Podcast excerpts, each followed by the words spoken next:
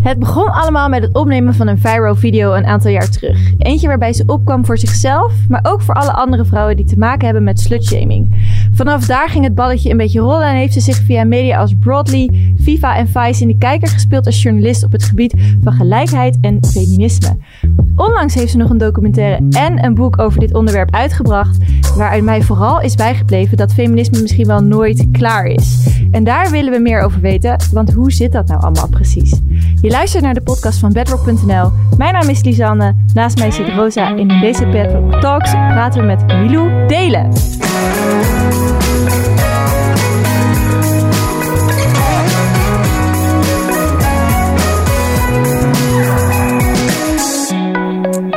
Yes, onze gast is inmiddels niet meer te missen in de Nederlandse media en op Instagram. En dat terwijl ze pas 25 jaar oud is? Ja. Eentje van wie we een hoop horen. Een frisse wind is in Medialand. En laat zien dat we qua feminisme en activisme in Nederland al op weg zijn. Maar we zijn er zeker nog lang niet. Bij ons aan tafel zit dus Milou Delen. Welkom. Ja, dankjewel. Ik ben super blij dat je er bent. Je stond dus eigenlijk al best wel lang op ons lijstje. Zo leuk om te horen. En ja, voor de lieve maar, introductie ook. Ja, klopt het een beetje? Ja, eenmaal. Ja. nou ja, volgens mij wel. Nice. nou, super tof dat je er eindelijk uh, bent. Hoe is het met je? Ja, goed. Dankjewel. Ja, gaat goed. Fijn. Ja, ook in de hele lockdown periode. Ja, met mij, uh, mijn werk gaat door. En ik denk dat dat zo, zo fijn is. Um, en dat zorgt voor nou ja, financiële zekerheid. Maar ook, ik ben bezig. En dat, ja, mijn zus heeft bijvoorbeeld een restaurant. Of ik heb vrienden die werkloos thuis zitten. Dat, en mensen met nog, ja, met die dierbare verliezen. En zo. Maar mij persoonlijk gaat het goed. Ik heb echt niks te klagen. Gelukkig maar. Ja, dat is echt een hele fijne... Ja, dat is gewoon heel fijn. Ja. En met jullie? Hetzelfde wel, denk ik. Ik heb ook niks te klagen. Je eigen moeilijkheden waar je dan mee, mee zit, dat je niks kan doen. Maar dat, ja, daar mag je eigenlijk niks over zeggen. Hoewel ik er soms heel hard over kan klagen. Mag ook. Mag ook. Mag je ook gewoon even kut voelen. Maar uh, ik had het vooral moeilijk aan het begin van januari. Het was donker. Het was uitzichtloos. Uh, en nog steeds is dat een beetje lastig. Maar daar heb ik me wel weer een beetje overheen weten te zetten. Dus het Ja. gaat goed. Fijn. Nice. Nou, hier ook. ja, nou ja, voor mij is het echt heel erg een tijd geweest. Ja, Het klinkt echt, ja, ik vind het best moeilijk om te zeggen, omdat ik weet dat sommige mensen echt een moeilijke tijd hebben. Maar ja, ik heb echt een hele goede tijd achter de rug. Gewoon, voor mij in het leven was het toch best wel hectisch altijd en druk. En het is nu gewoon lekker rustig. FOMO is weg. Ik ben super veel buiten kunnen zijn. en, Ja, bu- buiten geweest. Mijn werk gaat nog door. Ja, nou goed. Het is, eh, ben, ben me ook heel dankbaar voor wat er is. Dat is heel fijn. nou, fijn. Ja. Good top. Ja. Hey, we hebben altijd eh, ter introductie een beetje van jou en eh, van de start van, van deze podcast een soort mini-quiz. Het is een beetje à la Dilemma op dinsdag. Oh ja. Maar dan, ja, we hebben iets aangepast. Dus normaal zou dat een open en gesloten vragen zijn. Er zitten nu ook een ehm, Open vraag in. open vragen in. Ehm, dus ik ga je drie vragen stellen. Gewoon op je gut feelings, op je onderbuikgevoel, zeg maar ja of nee. En dan kunnen we hem daarna verder eh, uit, eh, zeg maar verder bespreken. Ja, nou. Oké, eerste vraag. Klopt het dat feminisme een beladen onderwerp is? Ja. Heb jij vandaag al iets feministisch gedaan? I- Ja. ja, ja, ja. En eh, zou iedereen een feminist moeten zijn? Ja. Nou, Ja. dat is allemaal Ja. positief. Oké. ehm, nou, eerst was dus, eh, klopt het dat feminisme een beladen onderwerp is? Ik, ik denk zelf dat best wel mensen het zo zien. Ik, ja, ik vraag me af dus of iedereen dat zo ziet. Ook iemand die veel met feminisme bezig is. Maar jij ziet dat zelf ook wel echt zo. Ja, ja, ik denk het is een beetje een brede vraag. Maar ik denk het wel omdat eh, het gaat over hele... Ja, vaak ook over beladen onderwerpen. On, wel raar klemtoon. onderwerpen. Dat was wel ja. nee, het gaat vaak... eh, ik bedoel, het, het gaat over... Voor mij gaat het over gelijkwaardigheid tussen mensen. En dan komen er ook best wel zware onderwerpen te pas. Maar het hoeft niet altijd beladen te zijn. Maar het vind, is wel vaak een beladen onderwerp.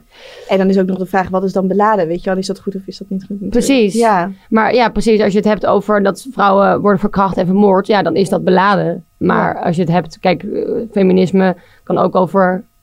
Iets eh, heel kleins gaan. Ja, precies. Dus het hangt er een beetje vanaf. Ja. Ja. Daar gaan we straks allemaal nog verder op in. Ehm, jij hebt vandaag al iets feministisch gedaan. Dat Ja. is misschien wel gewoon hier zijn, trouwens. Ah ja, ja. ja, ik weet niet per se iets concreets, maar ik ben heel feministisch. Dus ik, als ik dan Eh, ja, maar even kijken wat Wakker worden is voor, voor Milou al veel. Ja, precies. Ik doe alles feministisch. Nee hoor, maar even kijken. Ehm, nou, ik, ik, ik weet niet of Iets ik iets concreets gelezen? heb. Nou. Ja, iets Nou, ik gelezen. vind dat dus wel interessant, want, want het laat wel zien wanneer je al feministisch bezig kan zijn. Ja, wel misschien hele juist kleine dingen. zo'n groot... Mensen denken misschien Ja. dat het heel groot is. Terwijl misschien de manier hoe je misschien tegen iemand praat... of iets wat je op een bepaalde manier verstuurt... ja, eh, zou dat misschien... Lies, jij dan? Heb jij Ja. vandaag iets feministisch gedaan?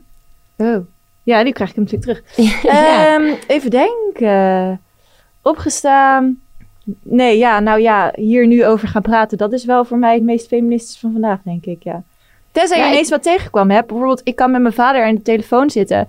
En dan heb ik het over mijn manager. En dan vraagt mijn vader, eh, maar wat zei hij dan? En dan zeg Oh ja. ik, waarom ga je ervan uit dat mijn manager een hij is? Want het is ook een zij. Ja. Maar dan wil ik wel mijn vader erop wijzen Ja. dat hij niet ervan uit moet gaan dat mijn manager per definitie dan? man is. heel goed. Dan zegt hij, goed punt. Ja. Oh ja. Nou, kijk, there you go. Ja, ik heb, ik heb vanochtend een, een stuk ingeleverd. Maar is dat dan iets feministisch? Maar dat gaat dan over seksueel overschrijdend gedrag. Nou, Ja, dus ja. Ja, maar het, ja, het werk, maar ook feministisch. Dat feministisch Ja. werk. Ja. Hey. Jij, Roos? Nou, top. Eh, ik denk ook wel echt wel ter voorbereiding van deze podcast ben ik echt de afgelopen dagen iets meer gaan inlezen en inluisteren. Gaan, nou, podcast met jou geluisterd ook, ook over het onderwerp.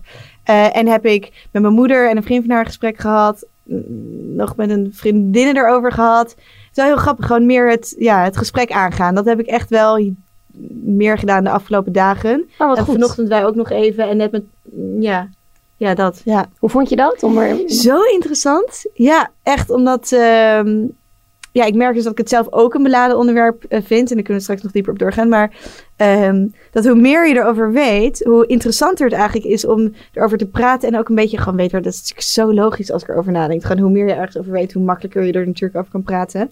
Ehm, en ook wel, ja, je leert gewoon andere in- inzichten kennen, heb ik nu Ja. al gehoord. Bijvoorbeeld van een andere generatie of andere mensen. Maar goed, daar gaan we straks op in. Ja. Maar het is, het is leuk. Leuk. Dus nou, leuk om te horen. Yes. En de andere vraag was nog, jij zei, ehm, zou iedereen een feminist moeten zijn? Jij Ja. vindt van wel. Ja, ja, ja, ja, zeker. Waarom? Omdat ehm, ja, feminisme staat voor mij voor gelijkwaardigheid tussen mensen. Ehm, en ik vind, ja, ik vind wel, ik hoop dat de meeste mensen dat ook. Ook zo zien. Ja, dat is niet zo, maar dat zou wel, ja, dat zou wel idealiter zo zijn. In jouw ideale wereld. Ja, ja, ja zeker, 100%. Ja. Ja. Want feminisme, eh, je zegt net al, het staat voor mij tussen voor gelijkwaardigheid tussen mensen. Ja. Niet per se tussen mannen en vrouwen, maar gewoon... Want Ja. dat heb je bij feminisme natuurlijk wel. Het, het is echt mannen versus vrouwen, dat gevoel. Ja, precies. Ja, ja. Ik, ik, eh, ik, ik noem mezelf denk ik nu 3,5 jaar feminist. En in het begin zei ik van, als iemand vroeg wat is feminisme voor jou, zei ik... ehm, nou, ik heb trouwens mijn schoenen even uitgedaan. Is dat Oh, leuk. ja, goed idee. ja, ik denk, misschien heb je weer stinkvoeten, maar ja, dat jullie weten. Ehm, eh, ja, zei ik dus, ik ben, ik ben voor gelijkwaardigheid tussen man en vrouw en daarom noem ik me feminist. Maar dat is door de, door de tijd heen toch wel veranderd. En nu noem ik mezelf ja, intersectioneel feminist. En dat is dan voor, voor veel mensen denk ik een onbekende term. En dat is, eh, als ik het eh, zo simpel mogelijk zou uitleggen, dat je niet ehm, alleen, eh, ja, dat niet alleen je ik geloof dat niet alleen je positie in de maatschappij wordt bepaald eh, doordat je man of vrouw bent. Dus door of iets anders of eh, door je gender. Maar ook door je huidskleur of door je mm, sociale klasse of door je seksuele voorkeur. Dus bijvoorbeeld ben je zwarte vrouw, krijg je niet alleen te maken met seksisme, maar ook met racisme. Dus het is een soort kruisbegrip. Is- Ja, Ja. wat dan zeg maar alles overkoepelend is, bedoel je meer Precies. dan feminisme? Waar feminisme dan meer zou gaan, dus echt tussen eh, man-vrouw, is intersectioneel, dan gaat het verder Ja. eigenlijk dus nog dan Ja, feminisme. ja. De hele linie. Ja. Precies. Dus het is, ja, dat eigenlijk. Ook wel denk ik heel goed voor veel mensen te beseffen, dus dat dat dus ook nog eens aan de orde is. Ik denk dat veel mensen er Ja. niet over nadenken. Als je daar gewoon zelf niet mee te maken hebt of Precies. Dus, super ja. interessant. Maar ik, ja, ja. Dat was eigenlijk mijn... Ja, ik dacht even, zou ik dit nog zeggen? dacht ik, nee, dit is... eh, ja. Tot hier. ja. En Lies, wat betekent feminisme dan voor jou? Ja, nou, gelijkheid ook wel. En inderdaad, eh, wat ik dus... Voordat we hierover begonnen, dacht ik, feminisme is inderdaad...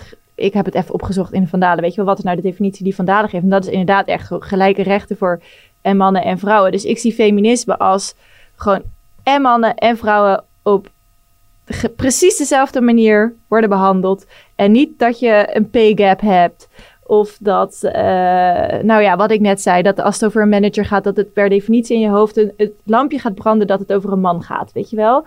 Dat is hoe het voor mij voelde. Maar je kan het dus inderdaad ook breder trekken. Ja. Ja. Ja.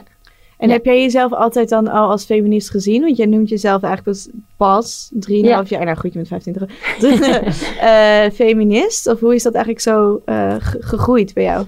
Ja, ik denk dat ik altijd echt feminist ben geweest. Maar dat ik de, de taal er niet voor had. Dus ik wist eigenlijk niet dat het woord feminist, ja, dat dat, dat, dat bestond eigenlijk. Ik wist er helemaal niks van. En toen, eh drieënhalf jaar geleden, volgens mij noemde ik dat in de intro ook, dat filmpje dat viral ging. Sindsdien noem ik me echt feminist. Maar ik, heb, ja, ik denk altijd feminist ben geweest. Ik heb me altijd, heb- als je dan betrekt op eh, gelijkwaardigheid tussen man en vrouw, ik heb dat altijd oneerlijk gevonden. Of, Hoe eh, komt dat, denk je? Heb, heb- kom je? heb je dat echt meegekregen uit je opvoeding? Ja, maar dus dan niet de term. Maar ja, mijn moeder ehm, heeft altijd heel erg eh, carrière gemaakt. En mijn vader was thuis. Vader, dus de traditionele rolpatronen waren bij ons thuis omgedraaid. Wat natuurlijk voor mij dan heel gewoon normaal was. Ja.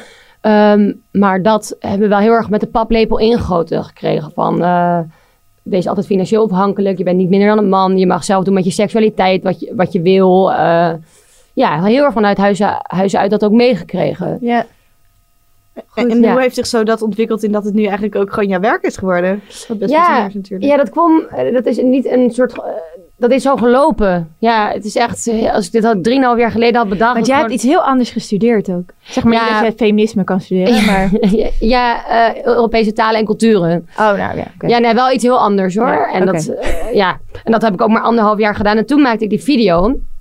Eh, en toen, werd ik, ja, toen ben ik eigenlijk me blijven uitspreken over feminisme. En ik ben gaan schrijven. En dat werd toen een soort combinatie. En zo. Ja, want jij werd echt ja, opgepikt door de media ook wel. Door jouw Ja. stem eigenlijk, door jouw ge- geluid wat je maakt. Want wil Ja. je even kort, ik heb waarschijnlijk heel vaak over de video Ja. verteld. Maar misschien toch voor de luisteraar die het niet kent. eh, die video heeft eigenlijk je leven veranderd. Ja. Ja, kun je kort even daar iets over vertellen? Ja, zeker. Ja, ik was van 2015 tot 2017 lid van eh Vindicat, het studentenkoor in Groningen. En daar werd ik eigenlijk stelselmatig ja, uitgescholden voor hoer. En ik was het daar niet mee eens, want ik zag dat vrouwen die openlijk over hun seksualiteit praten of seks hadden, waren eh, een hoer. En de mannen waren stoer. Dus mannen werden juist geprezen om dat gedrag. En daar was ik het niet mee eens. En ik werd zelf veel geslutshamed. Ehm, op die vereniging dus. En toen heb ik een video gemaakt met als statement... Ja, mijn seksualiteit is van mij en niet stof voor andermans Eh, en ik eh, heb evenveel recht op seks als mannen. En dat heb ik toen online gezet. Eh, Het was bedoeld voor die vereniging. ja, eigenlijk wel. Ik heb het wel op Facebook gezet. Dus wel ook met het idee dat andere mensen het konden zien. Meer, meer gewoon mijn eigen Facebook vrienden. Wat er misschien toen een paar honderd waren, denk ik. En, maar wel met als statement, ja, heel erg naar die vereniging. Heel erg naar die mannen die me zo eh, vernederden eigenlijk. En toen is, ging die video tegen al mijn verwachtingen in viral. En dat werd opgepikt door de media. En dat eh, is ja, aankomende maart vier, vier jaar geleden alweer. Jeetje. Dus zo, dat was de, dat is de, ja, Ja. Dat was de video. En zo is eigenlijk dat balletje gaan rollen. Toen in één keer werd je opgepikt en toen ben je er Ja. meer, eigenlijk je er ook steeds harder voor gaan maken. Ja, Ja, ja, ik ben toen terug verhuisd naar Amsterdam. En ik eh, werd toen heel veel geïnterviewd door journalisten. En ik dacht wel, en mijn moeder is ook journalist. Maar ik werd, eh, dus ik kende de mediawereld wel een beetje. Maar meer als baan van mijn moeder. Eh, en eh, toen werd ik heel veel geïnterviewd door journalisten. Dacht ik, jeetje, wat een leuke mensen. Wat een, wat een leuk werk. En, en ik kon mijn studie hier niet voortzetten. En ehm, dat was, vond ik heel vervelend. En toen liep ik een journalist letterlijk tegen het lijf van Vice. En die zei, kom je een stuk voor ons schrijven? Eh, en toen dacht ik, oh oké, nou, kan ik dat wel? Hoe ga ik dat dan doen? En toen vond ik dat heel leuk. En toen ben ik daar eigenlijk blijven hangen. Ben ik daarvoor twee dagen per week gaan freelancen. En zodoende. Heel en, dus, en me blijven uitspreken over feminisme. Erover Ja. gaan lezen, boeken lezen, naar lezingen. Andere feministen op Instagram ja. volgen. Gewoon heel actief ermee bezig zijn. En ik merkte dus dat taal of schrijven een goed, goede manier was om die boodschap te verkondigen. ja. Ja. En ik denk ook wel ehm, dat mensen dan zitten te wachten op een geluid, zoiets als dat. Want je hebt nu inmiddels natuurlijk ook wat meer volgers. En die wordt, nou, je, je ziet wat, wat we zeiden in de intro. We zien je best wel veel overal. en dat is natuurlijk hartstikke mooi, want het is natuurlijk gewoon een hartstikke belangrijk onderwerp. Eh, maar ik denk ergens dus ook wel dat mensen daar misschien behoefte aan hebben. Ja, het, het landschap is Ja, ook niet zo meer. heel groot voor mijn gevoel. Maar wat zei je? Nou, er zijn niet zo heel veel eh, feministen die zich echt zo Ja. actief uitspreken. Ja, die worden gehoord in ieder Ja, geval. die worden gehoord, Ja. inderdaad. Ja. Dat, Dat is inderdaad een verschil. Ja. Ja.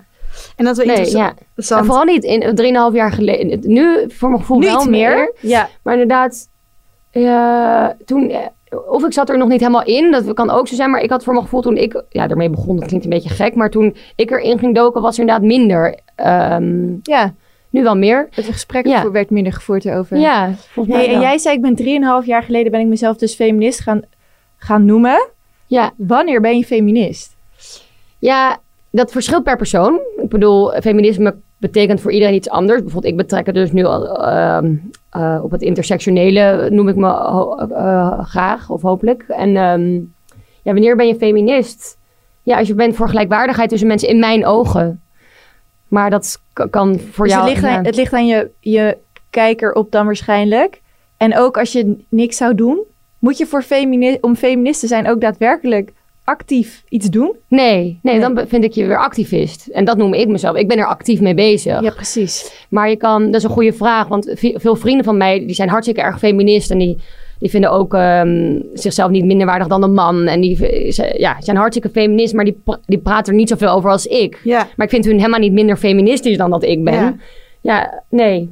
ik Nee. denk dat dat wel heel erg ehm, vernieuwend is om te horen. Want ik denk toch dat veel, eh, ja, voor veel mensen het al- als iets groots en wat we eerder zeiden, iets beladens is. En toch wel, ja, dat Je eh, moet je dat het- actief uitspreken Ja, voor dat. Ja. Dat zeg maar de term misschien feminisme heel erg met zich meebrengt van oké, dat betekent dus dat je voorop bij die marsen moet gaan staan en eh, keihard ervoor moet uitspreken. Er misschien ook meer van moet weten dan veel mensen doen. Eh, dat spreek ik ook voor mezelf. Volgens mij, ja, daar hadden wij het vanochtend over. Het is gewoon best wel spannend om over te praten. Het, is, ja, het gaat om iets heel groots en Ja. eh, er zit een hele grote geschiedenis achter natuurlijk. Het gaat eigenlijk iedereen wat aan.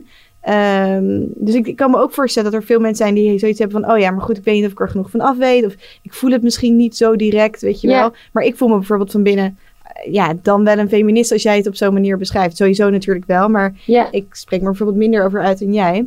Dus dat is wel tof om te horen dat jij zegt van... nou ja, maar We zijn maar net wie bekijkt. ja. Ja, dat vind ik ook echt. En Ja. feminisme kan ook iets heel kleins zijn. Dat je ehm, eh, in de... ja, vind ik ook dat je bijvoorbeeld in een vriendengroep... als iemand een, niet een leuke opmerking maakt over een vrouw... bijvoorbeeld dat je daar iets van zegt. Ja. Of zo. Dat vind ik ook hartstikke feministisch. Ja. Dus inderdaad, het, het kan zo groot en klein zijn. Ja, kan, je het zelf maakt. Ja, precies. En er hangt denk ik gewoon een beetje, ehm, toch wel een soort, nou ik weet niet of je het per se een taboe moet noemen, maar zo'n zo'n idee omheen dat het iets heel groots en zwaar is. Terwijl Ja. dat valt eh, volgens mij dus hartstikke mee, als ik het zo hoor. Hey, en wat ik me ook nog afvraag is, ehm, ik denk dat er ook veel mensen in Nederland zijn die denken dat het eh, juist heel erg goed gesteld is met feminisme in Nederland. Als je het bijvoorbeeld vergelijkt met andere landen in de wereld. Ehm, nou ja, als we kijken naar werk en dat soort dingen. Eh, Ja. Wat heb je daarover te zeggen? Wat is jouw weerwoord daarop? Ja, daar, daar ben ik het niet mee eens. Nee. Ehm, ja, natuurlijk, als je het zou vergelijken met een aantal landen of met veel landen in de wereld, eh, ga- gaat, gaat het goed ja, met Nederland op ja, bepaalde vlakken. Maar ik, feminisme is hartstikke nodig in Nederland. Als je kijkt, eh, je hebt dan de, de gender indexlijst, zeg ik dat goed? Ehm, en Nederland daalt daar dus op. Dus het gaat eigenlijk steeds Slechter. slechter, met Nederland als je Ja. kijkt op, naar het gebied van gendergelijkheid.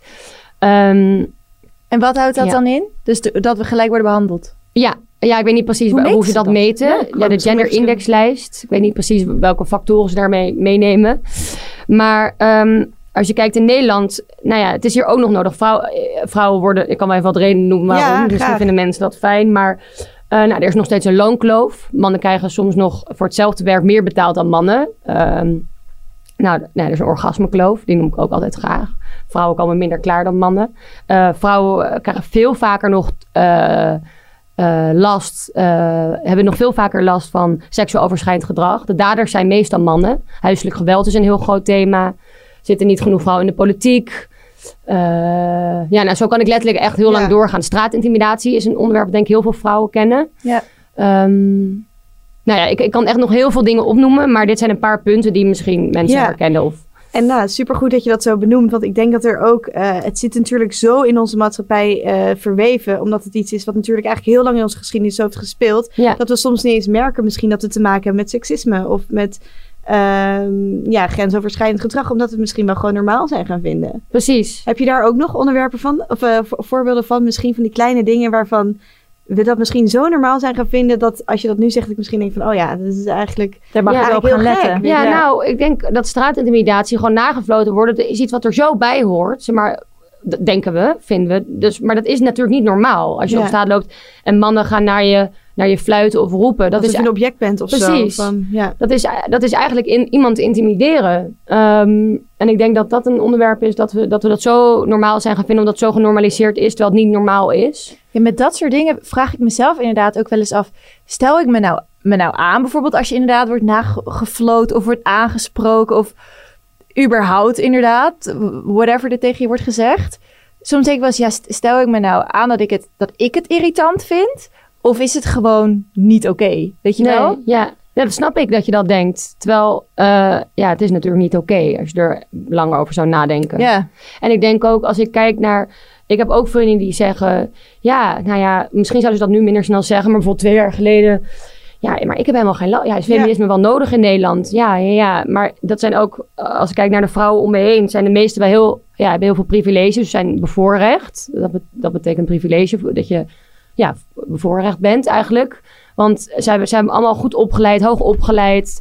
ehm, hebben allemaal, ja, dus het zijn allemaal vrouwen die heel veel kansen hebben. Ehm, ze passen ook nog vaak nog ook in het eh, westerse schoonheidsideaal. Ik bedoel, ze tikken allemaal boxjes aan. Waar, ze hebben- ja, dus ze helemaal niet zo gek dat je er ook minder last van hebt. Precies. Dus, ehm, maar dat je er zelf geen last van hebt van seksisme, dat is heel fijn. Hè? Ik bedoel, dat gun ik iedereen van harte. Maar dat betekent niet dat het niet nodig is, dat het niet bestaat. Dat is denk ik altijd heel belangrijk om te benadrukken. Van dat, dat jij er al bent, betekent niet dat ieder, elke andere vrouw in Nederland er, eh, Ja, er is. ja. Helemaal niet, namelijk. Ja, ja, ik denk dat ook als je, hoe, hoe meer het gesprek aan gaat, hoe meer dat misschien ook wel hoort van anderen. ja Ja, precies.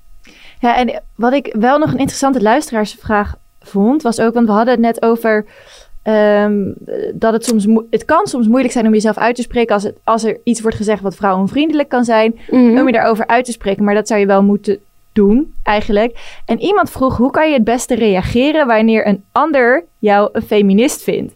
En ik vond deze vraag heel dubbel, want ik denk dan, maar het is toch heel goed, waarom moet je daar op reageren als iemand jou een feminist vindt? Het klinkt net alsof ze zegt, hoe kan je het best reageren wanneer een ander jou klootzak Ja. vindt? Ja, ja, zeg precies. maar. Ja, ja, ja, ja. ja. Dus, maar ik vraag het me ook af. Ik dacht, ja, want inderdaad, anders gaan mensen misschien inderdaad wel zeggen, "Pff, doe je moeilijk of zo, weet je wel? Ja, ja hoe, hoe ik daarop reageer als mensen dat soort opmerkingen of zo zouden maken... of als ik het gevoel heb dat ik me moet verantwoorden... leg ik gewoon kort uit wat feminisme voor mij is. En dan zeggen mensen vaak... oh, maar is dat het gewoon? Zeg maar, en dan, omdat mensen inderdaad het vaak denken dat er allemaal dingen bij komen kijken of dat het heel beladen is. Ik zeg dan vaak van, oh ja, ik ben voor, ja, voor gelijke kansen en gelijke rechten tussen mensen. En dan zeggen mensen, oh, is dat het? En dan, En dan is het oké. ja, Ja, ja, want het wordt dan misschien wel vaak... Ik vroeg ook aan, mijn vriend van wat betekent feminisme dan voor jou? En hij, hij zei dus inderdaad, ja, ik vind het wel een beetje een vies woord of zo. Omdat ik heel erg het gevoel krijg dat een vrouw zich dan beter wil gaan voelen dan mij. Toen zei ik, ja, dat is denk ik het probleem. ja. Want het, het is niet beter. Nee, Het gaat, het gaat om gelijkwaardigheid. Ja, Ja. feminisme gaat echt niet om pro-vrouwen of anti-mannen, maar om gelijkwaardigheid. Gelijkwaardigheid die er nog niet is. Ja, Maar noemen jullie je eigenlijk feminist? nou, vanaf vandaag. Dus Ja. denk ik. Ja. nee, ja. wat dat betreft, wat je zegt, je, je hoeft je dus niet per se... En ik zeg er wel wat van hoor, in vriendengroepen of zo, als ik dan denk... Of op, eh, wat, wat je ook vaak ziet, is dat je nu bijvoorbeeld... Pas was ik How I Met Your Mother terug aan het kijken. En dan denk ik wel, oh, sommige dingen kunnen hier echt niet meer. Weet je wel hoe eh, een van die karakters zich dan gedraagt. Eh, en daar spreek ik me dan ook, terwijl ik dat kijk, wel over uit met degene met wie ik het aan Oh kijk, ja. weet je wel. Dus in die zin, ja, ik, ik ben enorm voor gelijke rechten tussen mannen en vrouwen. En waar ik een kans zie, zou ik er zeker over beginnen. Dus Ja. dan ben ik denk feminist, ja. Nou, wat, wat fijn dat je dat van vandaag... Ja. Ja, dat is belangrijk hoor. En jij? Ja. Ik, voor mij was het dus best wel lang een onderwerp waarvan ik dacht van, nou, ik, ik merk dat niet. Eh, ik kom net uit een, eh, ja, uit, uit- een gezin waarbij mijn moeder ook de werkende was, mijn vader de huisman. Dus voor mij was het eigenlijk gewoon normaal, weet je Ja. wel. Dat ik, ik zeg best wel waar ik voor sta. Ik ja, ben die is niet op mijn mondje gevallen. Ik heb het gevoel van, nou, het zal allemaal wel. Ik heb er allemaal geen, geen last van. Totdat ik me dus iets meer in het on- onderwerp ging verdiepen van... Ehm, ook had ik trouwens het gevoel van, oh ja, maar ik ga niet naar de Dam. Eh, ik, ik spreek me er niet zo openlijk over uit. Dus ja, dan ben ik toch geen feminist. Tot ik me dus iets meer me ging voorbereiden op dit gesprek en best wel wat podcasts heb geluisterd, ook waar jij te gast was. Mhm. Eh, en gewoon over het onderwerp zelf. Er waarin het ook dus bleek dat je dus niet per se... Ja, je hebt gewoon verschillende soorten van feminisme Precies. natuurlijk. Nu geloof ik denk ik wel dat het ehm, effectiever is als ik me daar wel meer over zou uitspreken. Want ja, als we allemaal stille feministen zijn en er nooit over praten... dan kan je jezelf feminisme noemen, maar dan gebeurt er vrij weinig. Ja, Dus super lief eigenlijk dat je dat zo zegt. Dus dat is goed ook om eh, die drempel laag te houden. Ehm, maar nee, van binnen ben ik echt zeker feminist. Nee, en ik denk meer dat het is dat ik ervan uitga dat mensen gewoon gelijk zijn. En ik denk gewoon soms niet in de gaten heb dat, ehm, dat het wel degelijk dat er gewoon seksisme eh, om, me heen gebeurt. ja, Ehm, en ik moet ook wel zeggen, dus dat in de laatste weken ben ik er hier dus meer over gaan praten, ook met vriendinnen, maar ook met mijn moeder. En dat ik bepaalde dingen gewoon normaal vind of zo, weet je wel. Nou ja, dit ging bijvoorbeeld over seks. Hebben we het, hadden we het over dat. ehm, dit ging dan over. Nou, stel je voor als een man bij je slaapt of zo. Er is toch wel best wel vaak. Gaan mannen er gewoon van uit dat ze dan seks met je eh, hebben. Ja. En als je dan nee zegt, dat het dan toch vaak weer wordt geprobeerd. En dat het dan eigenlijk ook gewoon normaal is. Weet je, ik heb dat echt al vaker meegemaakt. En ik heb daar nooit. Ja, ik bedoel, het is ir- irritant of zo. Maar het is nooit echt dat ik dacht van. Wow, dat is echt uh, grensoverschrijdend gedrag of zo. En nu ik daar dus meer over heb, is het eigenlijk toch echt super raar. Ja, En dat is wel dat soort dingen. Ik denk dat dat er veel meer bij ons ingebakken zit.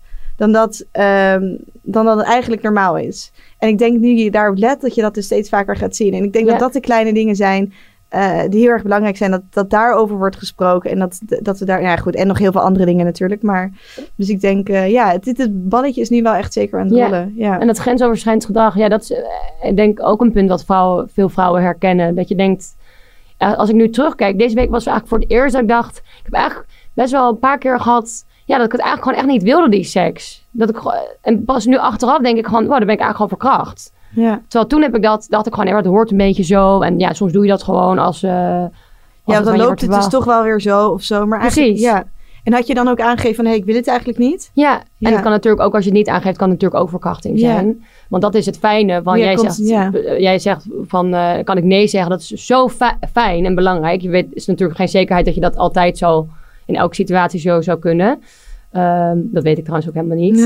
of je dat, eh, maar er zijn ook zoveel vrouwen die dat niet kunnen. Ik heb het ook niet altijd gekund. Ik, weet ook, ik heb ook nog situaties eh waar ik terecht kom en dat ik dan achteraf denk... Jezus, ik had gewoon duidelijker moeten zijn. Maar op dat moment dat ik het toch... Ja, maar ik herken dat heel erg. Ja. Want ik heb ook wel eens gehad dat ik zei nee. Het is daarna toch gebeurd. Ja. Weet je, wel, dan ga je er toch een soort van in mee. En dan, oké, dan denk je eigenlijk, het is eigenlijk gewoon best wel raar als je erover nadenkt. Ja, En ja, dat we het daar nu eigenlijk soort van pas over hebben, laat wel zien dat het eh, ja, gewoon veel dieper gebakken zit in onze maatschappij. Dat het normaal is. Dat, maar ook bijvoorbeeld, ja, het is niet heel normaal dat je in een korte rok eh, naar je werk gaat. Dat is raar. Of je blote schouders laat zien. Als je ja. erover nadenkt, dat is toch gewoon raar. ja, dat slutshamen, dat is ook zo'n Maar dat punt. zit- en- Ja. Nee, ja. Ja, zeker. Ja, er is nog op elk gebied heel veel werk aan de winkel. Ja. Dat is echt Ja, zo. het stom is dat het heel veel dus... Denk achteraf dat je terugdenkt dat je denkt... Oh ja, hier...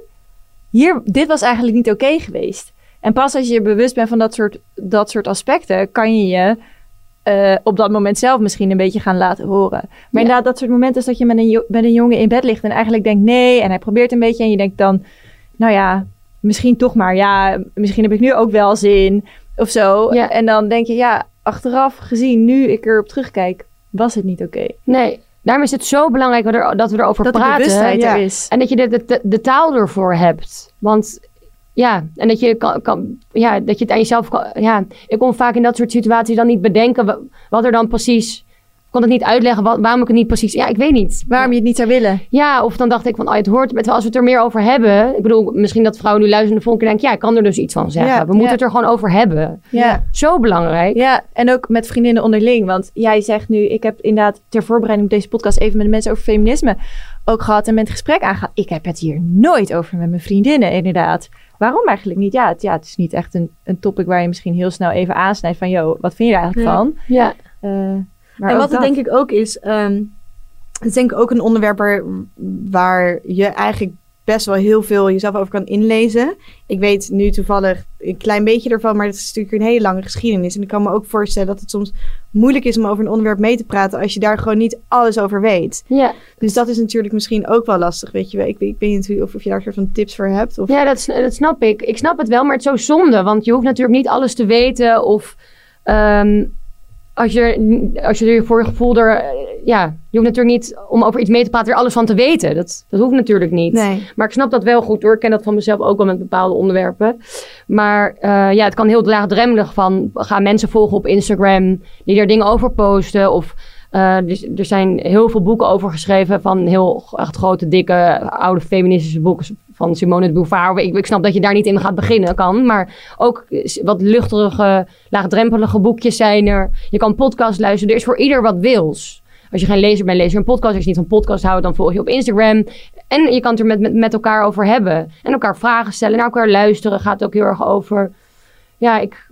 Het is... En misschien je ogen Ja. gewoon langzamer iets meer open. Je Precies, oren ja. iets meer open. Het ik is ook een dat dat al- proces. ja. In die end, denk ik. Dat je steeds vaker gaat tegenkomen en gaat zien. En op een gegeven moment ga je de guts krijgen. Dat je denkt, ja, ik kan me er nu ook een keer over uiten of Ja. zo. Ja, en wat jij net zegt van... Ja, we hebben het er eigenlijk nooit eh, over in mijn vriendinnengroep. Dat zouden bijvoorbeeld luisteraars kunnen doen. We hebben het er een keer over. Ja. Noem jij je feminist? Waarom niet? Waarom wel?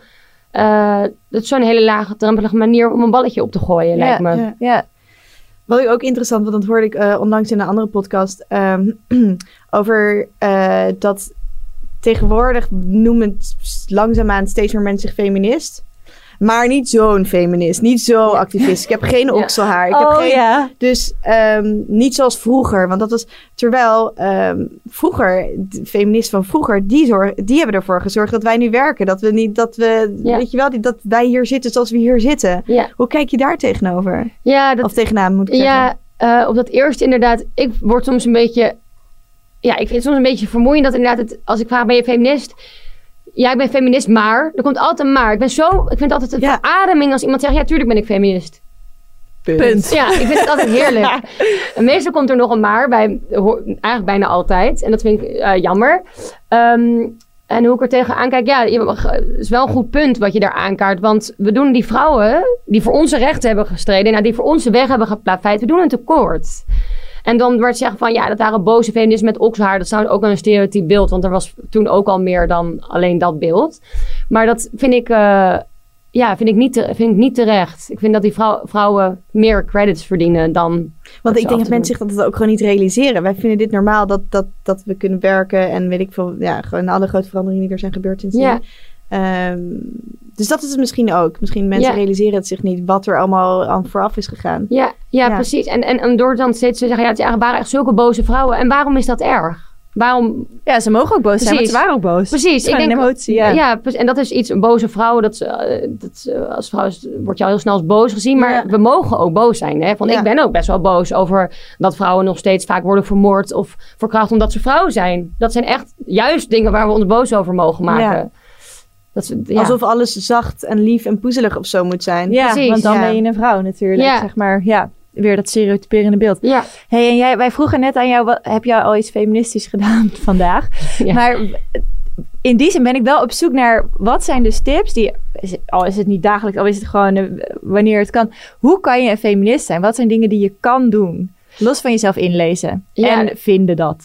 Ja dat, kan- ja, dat kan dus echt zo groot en klein zijn als je, als je maar wil. Dus je kan ehm, ja, met vrienden erover praten, maar je kan ook ehm, ja, in een women's march lopen. Of je, je, kan, je kan zoveel dingen doen.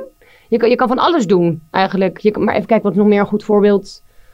Nou, jij, ik vond dat het voorbeeld wat jij net noemde met je manager, vond ik ook een goed voorbeeld.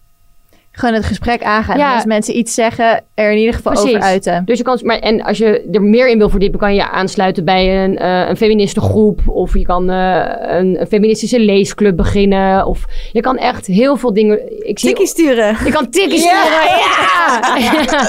Maar Heel even uitleggen. ja, ja, maar je kan dus heel veel dingen doen. Eh, zo groot en klein als je maar wil. Daar ben ik echt van overtuigd. Eh, ja, tikkie sturen heb ik gedaan. Ja, dat kan, je, dat kan je ook doen. Dat kan ook iedereen doen. Als je een eh tikkie hebt op je telefoon. Als je een telefoon hebt. Maar ehm, ja, ik maakte heel erg kwaad over... Oh, dat is trouwens ook een onderwerp wat denk ik heel veel eh, heteroseksuele vrouwen aangaat.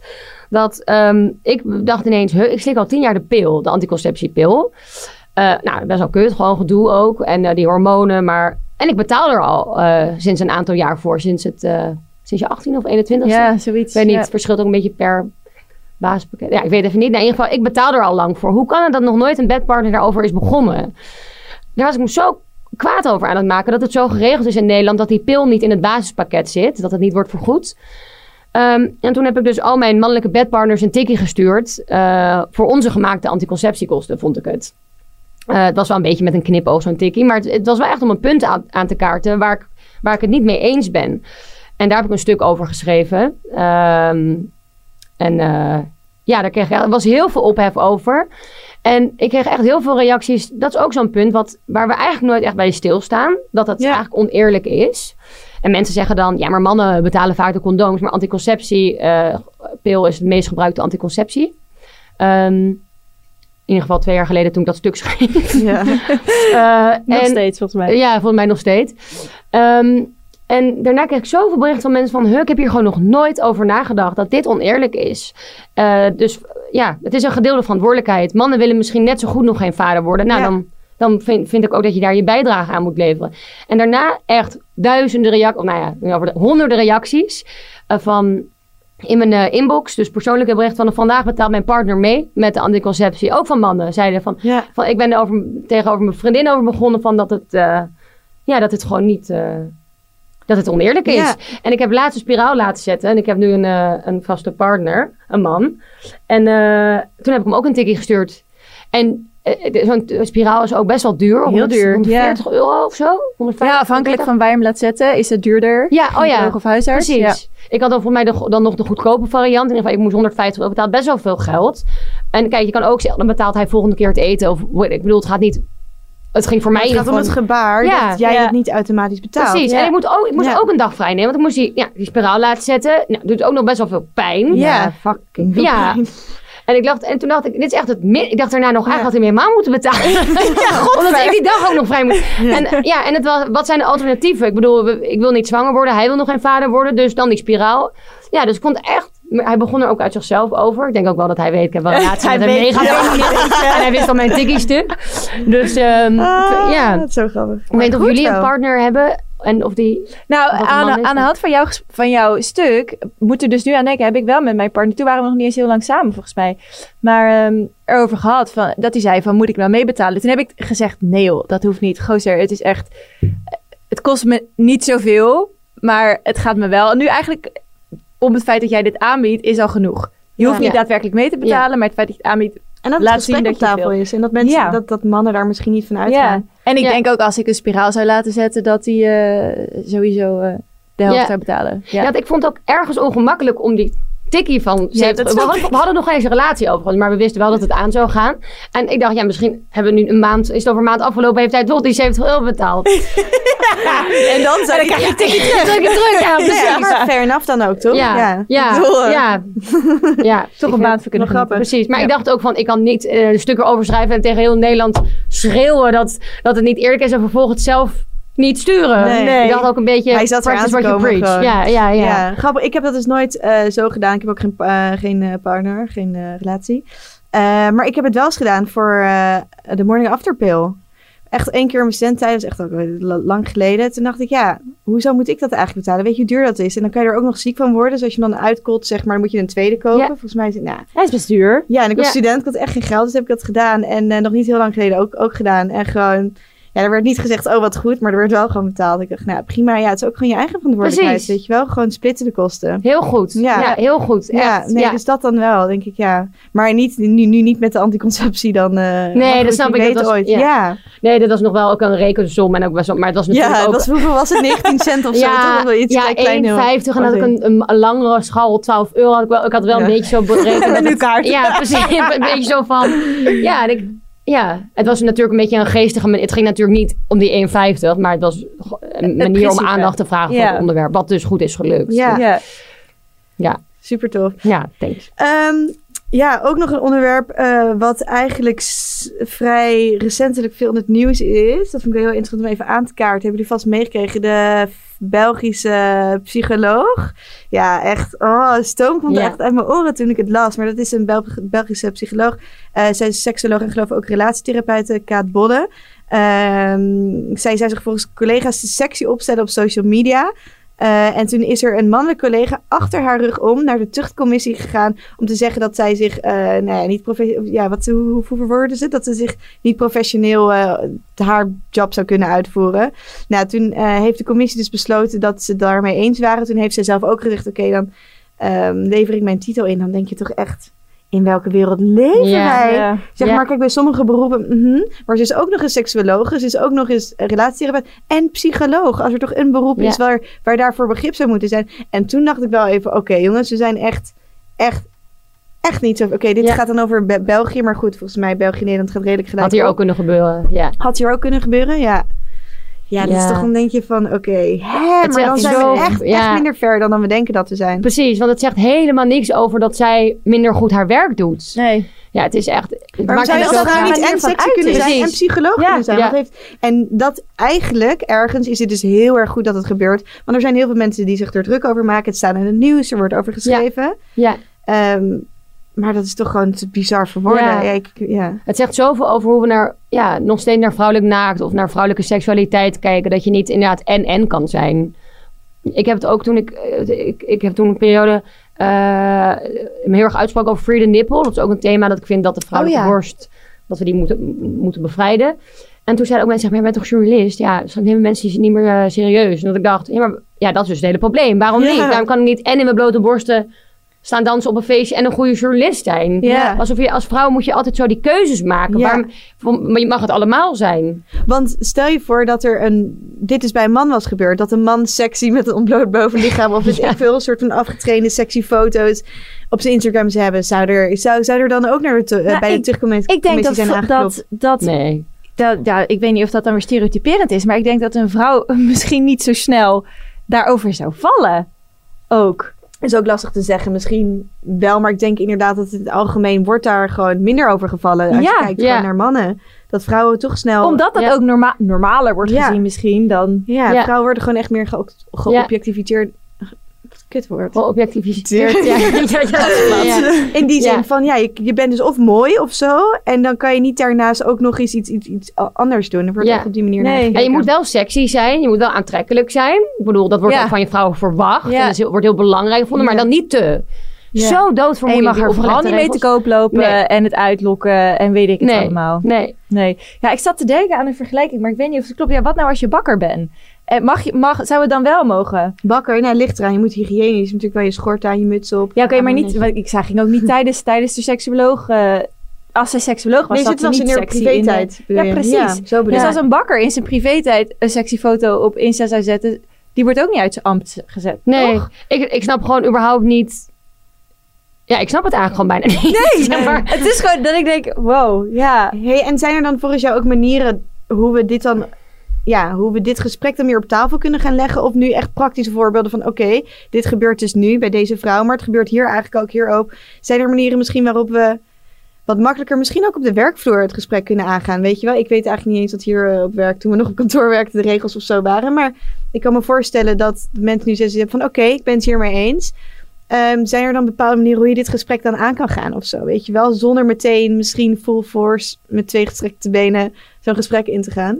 Nou, ik denk dat je het zelf al zegt. Misschien gewoon een balletje opgooien van hoe het, daar, hoe het er hier geregeld is. Of hoe het gaat. Of ja, dat denk. Ja, het gesprek voeren. Maar dat is misschien minder concreet.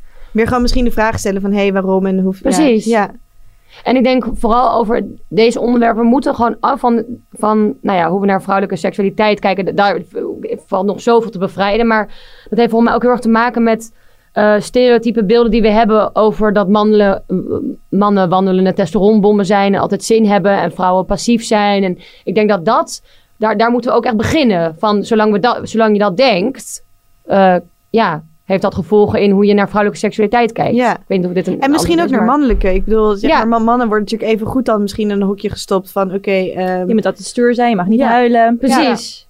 Precies. Uiteindelijk is dat is ook misschien belangrijk om te benoemen, is feminisme ook voor mannen. Het is ook, het is ook een bevrijdingstheorie voor mannen. Ik tip graag een goed boek. Dat heet Waarom feminisme goed is van mannen. En het, eh, voor mannen. En dat is van Jens van Tricht.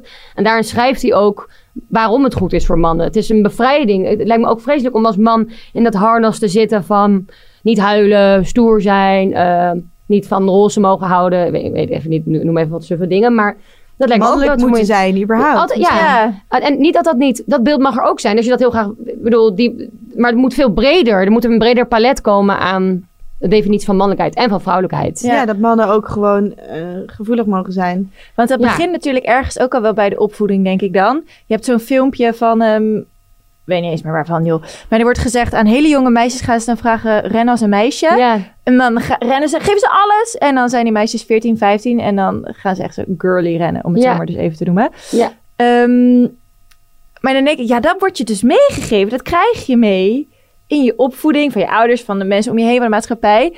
Heb jij misschien ook tips voor mensen die nu een kind aan het opvoeden zijn? Hoe kan je er rekening mee houden dat jij je kind feministisch opvoedt? Ja. Nou, het is heel leuk, want mijn zus heeft net een eh, dochtertje Ah. gekregen. Ja, ze is, een- eh, ja, nee, is in mei geboren, dus Oh ja. bijna dan één, nou, over een paar maanden. En het is wel heel mooi om dat bij haar te zien. Ze heet Kees, en dat vinden veel mensen beginnen al Kees hij. Zo Zeg leuk. maar- Oh ja. Ja, ja, zo leuk. Zo ja. ja.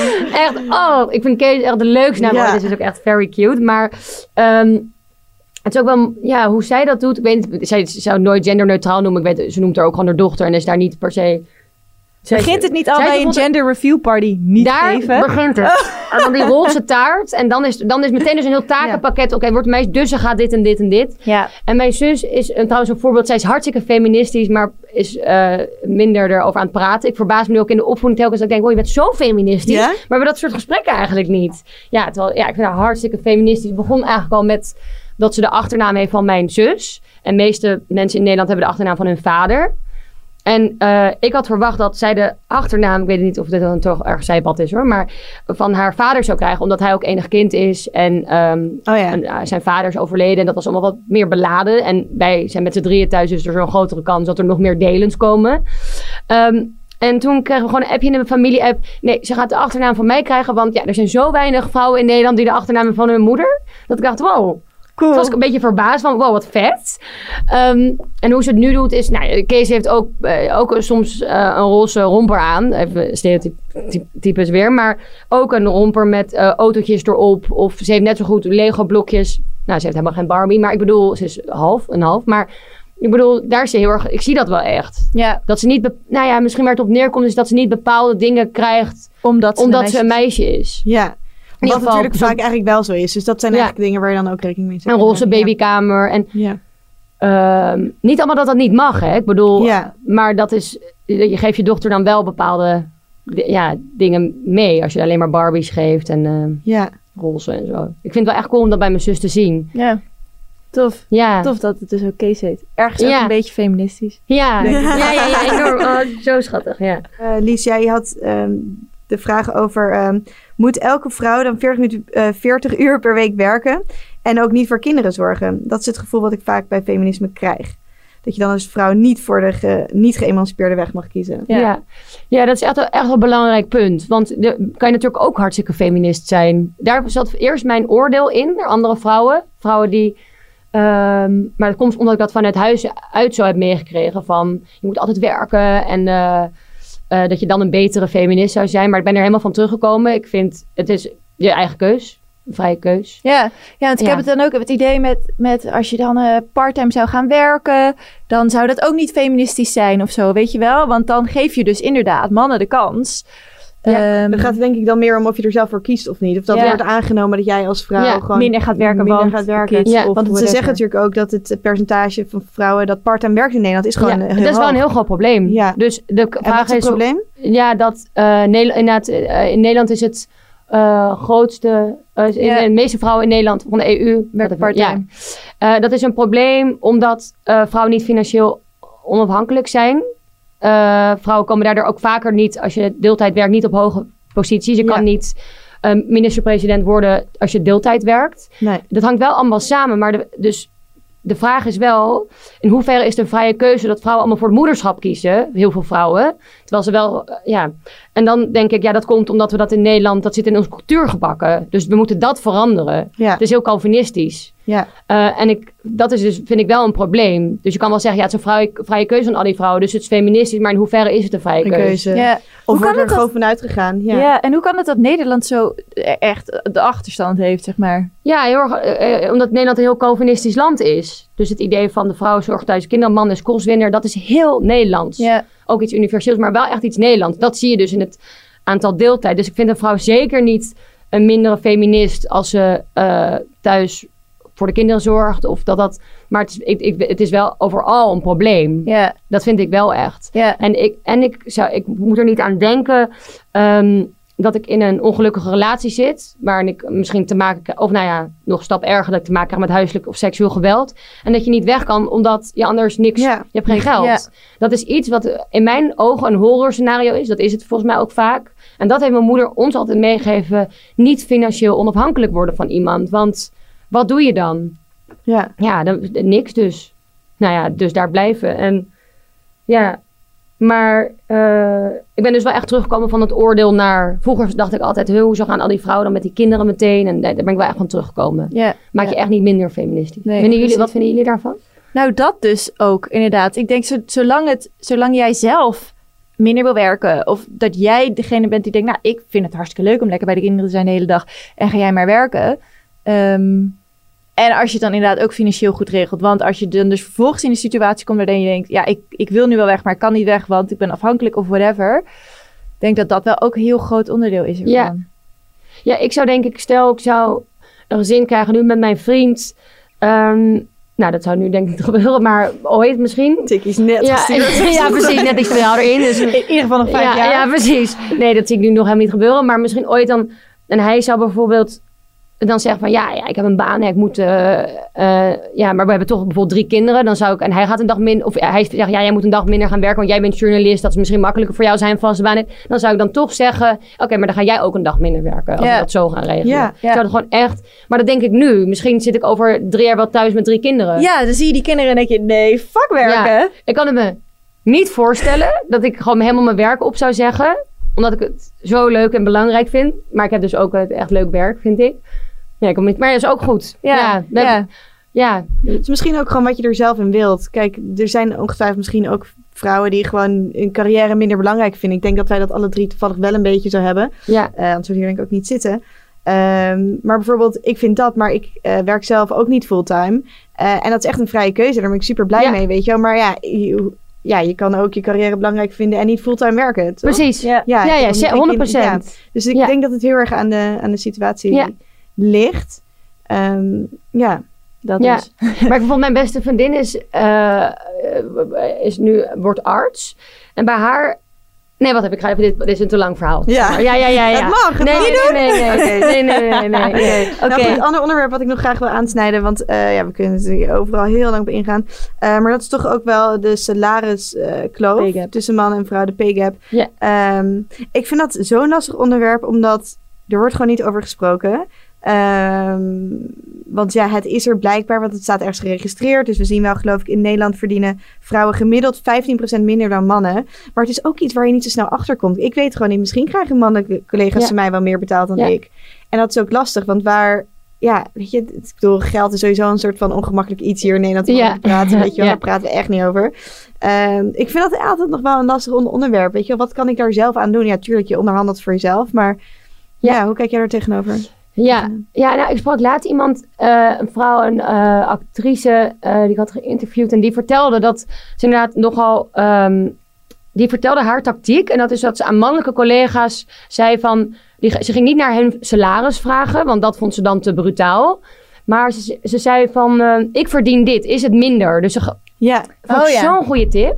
ja en was, was het zo? Ja, ja, ja, ja, ja zeker. En het, ja, Heeft En ze het- daar wat aan kunnen doen toen? Eh, weet ik niet. Weet je niet. Ja, ze is wel toen met mensen erover gaan praten. En volgens mij is die 15% is ook zo omdat meer vrouwen ehm, dus deeltijd werken. En ook omdat ze zitten vaak in het beroepen, in de zorgberoepen, onderwijs en, zorg, wat minder verdient. En mannen werken vaker eh, op topfuncties. Dus daar zit die ongelijkheid ook. 15% is dus een iets lager aantal. Maar nog steeds volgens mij 6%.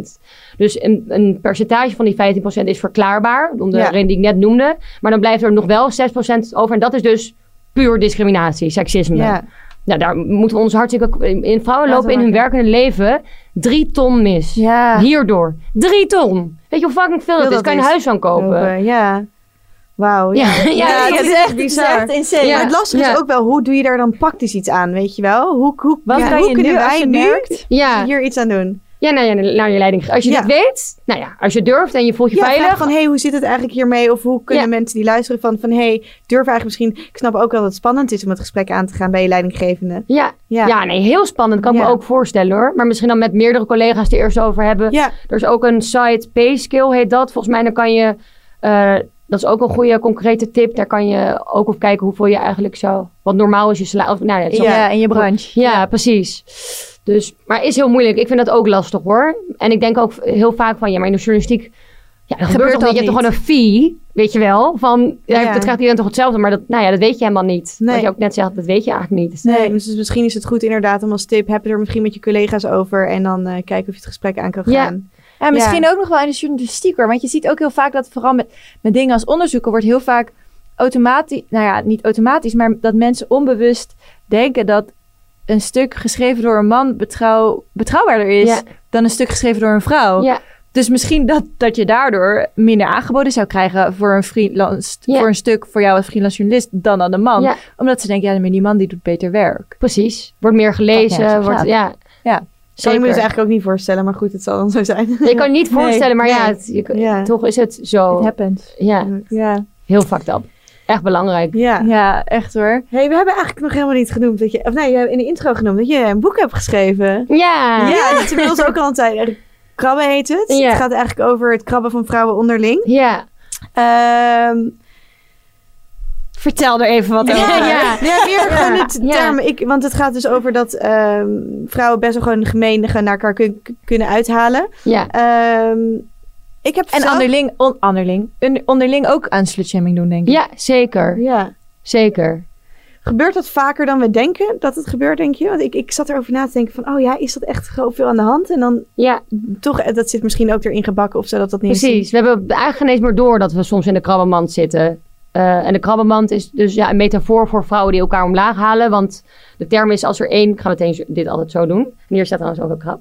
Ja. Die heb je daarom gezet. ja. Leuk. Ehm, als er één krab in een mand zit, dan kan die er makkelijk uit. Ehm, maar zitten er meerdere krabben in een mand en er wil er eentje uit, dan krabben die andere krabben haar omlaag. En zo blijven ze met elkaar in de mand. Dat is dus eigenlijk een metafoor. Dus als een vrouw uit die mand klimt, bijvoorbeeld wat bij mij gebeurde in Groningen. Ik sprak me uit over eh slutshaming. En toen, in plaats van dat ik werd gesupport, werd ik naar beneden gekrapt. Ook door andere vrouwen, veel en vaak. Ehm, dat is eigenlijk de term. En ja, gebeurt dat vaak? Eh, ja, heel vaak. En bijvoorbeeld misschien een concreet goed voorbeeld is... werp een blik op Instagram en je ziet hoe jonge moeders... zoals Rens Kroes, Romy Boomsma, ehm, Nina Pierson... worden veroordeeld op de manier waarop zij hun moederschap invullen. Ik krijg hartstikke kritiek. Eh, Romy Boomsma zei een keer... eh, ik heb haar heb ik geïnterviewd voor het boek. Eh, hierover dus. ehm, dat zij nog nooit een negatieve reactie heeft van een man. Maar dat ze kritiek krijgt van andere vrouwen. Ja, weet je, die moedermafia. Ja, de moeder. Ja, precies. Ja. Dus het gebeurt heel veel. En het is echt belangrijk dat we uit die mand komen. Want anders komen we nooit bij die gelijkwaardigheid. Want Ja. mannen houden elkaar vaak het hand boven het hoofd. Ja, is dat zo? Die Ja. Komen elkaar. vaker voor elkaar op? Ja. Ah. En ik kan misschien wel één concreet voorbeeld noemen. Wat het heel erg. eh, wat, ehm, wat ik heel belangrijk vind, is dat. ehm, ja, ik haat het stereotype van dat vrouwen over elkaar zeggen: ja, het zijn ook zulke mean girls of bitches of venijnig of krabbig. Allemaal woorden die we niet bij mannen zouden gebruiken. Maar het krabben is een verklaring omdat er minder ruimte is voor vrouwen in de maatschappij. Dus het is niet vrouw eigen, het is, maar we gaan krabben omdat er dus minder ruimte is.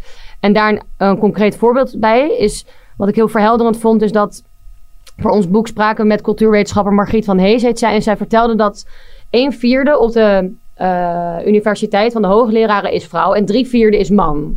Nou ja, als je dus als man hoogleraar wil worden, dan kan je andere mannen letterlijk ook aandragen, want er is genoeg ruimte voor Ja. jullie. Je kan letterlijk zeggen, nou, kijk hier mijn beste vriend Kees, die eh, kan ook ehm, hoogleraar worden, is hartstikke goed. Maar als je als vrouw, als er maar één baan is, dan moet je met elkaar daarom gaan vechten. Want je wordt letterlijk concurrent van elkaar. Dus wat vrouwen dan gaan doen, ja, is elkaar krabben. Maar dat komt dus omdat er minder ruimte is. Ja. Dat vond ik zo'n verhelderend. Vrouwen zijn dus geen krabben, maar we worden zo gemaakt. Ja. Dat is een beetje wat Ja. ik de hele tijd verkondig. Dat vond ik ook heel bevrijdend. En heeft het er dan ook mee te maken? Want soms, stel ik heb een, een issue met een van mijn vriendinnen. En dan ga ik er... Dan gebeurt het vaak dat je gewoon achter elkaars rug om erover gaat praten. Maar ik ga niet zo heel makkelijk direct in haar gezicht zeggen waar ik mee zit, bijvoorbeeld. Ja. Terwijl als mijn vriend... En over, ook over de kleinste dingen, hè, dan, eh, dan zie ik hoe zij ermee omgaan. En dan zeggen ze gewoon volgens tegen elkaar gezegd... Yo, gaster, je deed dit. Oh ja, inderdaad. eh was echt niet tof. Nee, inderdaad. Toevallig zat ik gisteren Temptation Island te kijken... en daar is één gast gewoon een complete wacko. Ehm, maar die wordt vervolgens door die andere gasten in de villa... gewoon aangesproken. En die beginnen gewoon een gesprek met hem. En die zeggen... eh, ja, je doet dit en je, je zegt A, maar je doet B. En dat, nou ja, de hele situatie werd gewoon besproken. En ik zei tegen het vriendinnetje met wie ik keek van... ik vind dit zo tof als dit vrouwen waren geweest... als ze achter elkaars rug om gezegd dat het kloten was... maar nooit in elkaars Ja. gezicht gezegd. Ja, Dat houdt het misschien ook in stand. Ja, ja, dat is echt heel interessant. Want het, in Groningen, toen ik zo werd geslutshamed, zeiden mannen het in mijn gezicht. Je bent een slet, eh, vrouwen niet. Het ging achter mijn rug om. Maar de vraag is, was het eigenlijk wel fijner dat, dat, het, dat het zo in mijn gezicht werd gezet, de hele slet? Dat is, en dat is denk ik ook weer, ik weet niet of dit klopt, maar omdat alles wat, nou dat is wel zo wat we als mannelijker zien, wordt als beter gezien. Dus de vraag is eigenlijk, vond ik het eigenlijk niet fijner dan dat het achter mijn rug om gebeurde, dan dat ik het de in mijn gezicht kreeg? Ja, Dat is ook weer een vraag. ja dat Die weet we je ook niet. Nee, True. ja, zo had ik er nog nooit over nagedacht. Ja, En dit, was, dit voorbeeld, dit zei trouwens ook die cultuurwetenschapper Margriet van Hees in ons boek. Toen dacht ik, dat is inderdaad zo. Waarom is dat meteen beter en cooler van die gasten? ja. Ja, Ook of weer is het ook Eh, gewoon... Interessant. Ja. ja. ja, misschien wel hoor. Ik weet het Ja. niet. Maar Ja, het ligt misschien een beetje dan aan de situatie. Hè? Als je iemand Nou daadwerkelijk helpt vervolgens om, om straks weer verder te kunnen of beter iets te doen. Maar inderdaad, iemand een slet noemen kan je soms misschien maar beter niet horen. ja, Je moet soms ook maar misschien beter niet weten wat mensen allemaal van je denken. nee. Nee, Eh, dat denk ik Maar wel true ja. fact, dat is ook wel weer Ja. waar. Ja. Maar we moeten er in ieder geval echt van af van dat krabben. En dat kan je echt bewust ook doen, denk ik. En... Hoe? Ja. In het boek staan allemaal concrete tips. We hebben, al, we hebben dus, ik heb het samen met Daan Bol geschreven. En we hebben dus allemaal hele vette mensen gesproken. Voornamelijk mensen die zich eh, meestal als vrouw identificeren. Nou, echt heel vet. En zij geven allemaal tips. Want het zijn vrouwen waarvan wij dachten... zij kunnen ons helpen om bij Sisterhood... de tegenhanger van de krabbenman te komen. Maar, en we hebben ook een vrouwencoach gesproken. En wat zij bijvoorbeeld vertelde is dat... ehm, Denk, eh, heb je een notaris nodig of een loodgieter, bel een vrouw. Denk eerder aan vrouwen. We denken dan zo vaak Ja, eerst aan een man. Dus duw elkaar naar voren. Ja. Dat is echt. En wat ik altijd probeer te doen is, vond ik ook een hele goede tip. Die gaf ook iemand in het boek. Als ik nu, een vrouw, als ik nu iemand quote, quote dan eerder een vrouw in plaats Ja. van een man. Niet dat je nooit meer een man mag quoten, daar gaat het niet maar om. dat het niet de standaard Precies. is. Ja. Duw Ja. vrouwen naar voren. Heb het meer over vrouwen. In plaats van dat je een historicus of een feminist... Nou, dat is misschien dan makkelijk. Maar dan noem ik altijd een vrouw nu. Ja, En zo... het is heel klein, maar zo belangrijk. ja, Net als stem op een vrouw. Precies. Eigenlijk. Ja. Zo, dit zijn concrete tips die je volgens mij allemaal Goeie. kan... Ik had deze afspraak eerst bij een Ja? man staan. Jullie je naar een tattoo. eh, tattoo. Ja, ik wijs maar een tattoo. Bij, en, en omdat ik dacht, tattoo, oh ja, mannelijk, oh ja, welke... En toen dacht ik, ja, dag. Want, en waarom het belangrijk is, omdat we van onze vooroordelen af moeten. Want dat houdt ook weer de man de stand. Nou, dat rijmt. Eh? Eh, om bij die gelijkwaardigheid. En toen heb ik afgebeld en bij een vrouw gemaakt. Ja. En dat kan je Juist ons- bij die tattoo. Precies. En weet je, je kan het en onzin vinden van... Ja, maar mag je dan nooit meer bij een man? Nee. Natuurlijk kan je ook nog... Mijn volgende tattoo let ik... ja, die heb ik trouwens bij een man gezet. Mag, prima. Maar als je er maar bewust van bent... en soms daar concreet je- aan de ja. slag gaat. Ja, en dat is, en dat is eigenlijk natuurlijk met alles in bewustwording zo. Ja. Ja, Weet je wel, verandering begint gewoon bij de ene eerste stap. Ja. Wees je er bewust van. Ja. precies. Thanks. Zo belangrijk. Ja, Ja. tof. Komen er nog andere eh, grote projecten aan voor jou? Eh, ja. Kan je daar al iets over zeggen? Of is het nog niet? Ja, mm, nou, er liggen op. eh, ik, ik zou graag of, ja, eh, een boek, een tweede boek. een tweede boek. Ja, daar eh, heb ik ideeën over. En nog leuk. allemaal andere leuke dingen. dingen. Maar dat is wel, dat zou ik wel heel vet vinden. Leuk. En waar Oh. moeten mensen jou dan vinden als ze daar weer meer over willen weten? Op mijn Instagram. At. Ja, dat is waar ik eh, het meest actief ben. Top. En Ja. koop het Super boek tof. Krabben. Ja. Nou, ik denk dat we Thanks. daarmee alweer een einde hebben bereikt aan deze super interessante podcast. Ehm, nou, ik denk dat we al een heleboel taboes aan tafel hebben geveegd en wel een beetje kunnen hebben laten zien dat feminisme ook maar gewoon zo beladen is als je het zelf maakt. En ehm, dat we volgens mij best wel makkelijker soms het gesprek kunnen aangaan. Dus Ja. heel erg bedankt dat je er was. Ja, jullie thanks. Ja, echt heel interessant. Ik dacht van, jullie, ja, heel leuk om met jullie erover te praten. Ja, Ja. eens. Vind ik ook. En onze ogen heeft het weer geopend en ik hoop ook ogen van luisteraars. Ehm, nou ja, als je Milou dus wil volgen, Milou Delen. Als je ons wilt volgen, kan dat via bedrock.nl of Instagram op @bedrockmagazine. En laat even weten of je het een toffe aflevering vond, natuurlijk. Super nice. En in de volgende aflevering praten we over een heel ander interessant onderwerp. Namelijk over het nemen van een microdosis psychedelica. Het is een hele grote hype. Niet alleen voor de trippers onder ons, maar ook onder zakelen in Silicon Valley. Oh. Eh, het zou namelijk heel veel creativiteit en productiviteit opleveren. En ik ga maandag mijn pakketje ophalen. Ik ga het eindelijk doen. doen? Ja, eindelijk Oh, wat vet. zo heel lang. Ja. Oh. ja, dus... eh, Daar kunnen we het misschien over hebben. Ja, gaan Oh, wat cool. Oh, ga ik luisteren? Nee. Ge- microdose? Nee. Nooit? Nee. En, wat, en met, met wat is dan het doel? Ehm, nou, het, het microdoseren van psychedelica, dus dat zou kunnen met eh psilocybine of met LSD. Ehm, daar neem je dus zo'n klein beetje van, dat je dus niet echt tript, maar dat je dan, als je dat op de lange termijn doet, met tussenposes, eh, zou je dus echt creatiever kunnen worden. Er zijn echt wetenschappelijke onderzoeken naar geweest. Eh, maar ook productiever. Je brein gaat gewoon allerlei linkjes maken die je normaal niet zou maken. Wat cool. Dus eh we'll see. Oh, ga ik luisteren. Ga ik luisteren. Nou. Leuk. Ja. Oké, tot volgende keer. Ja, thanks.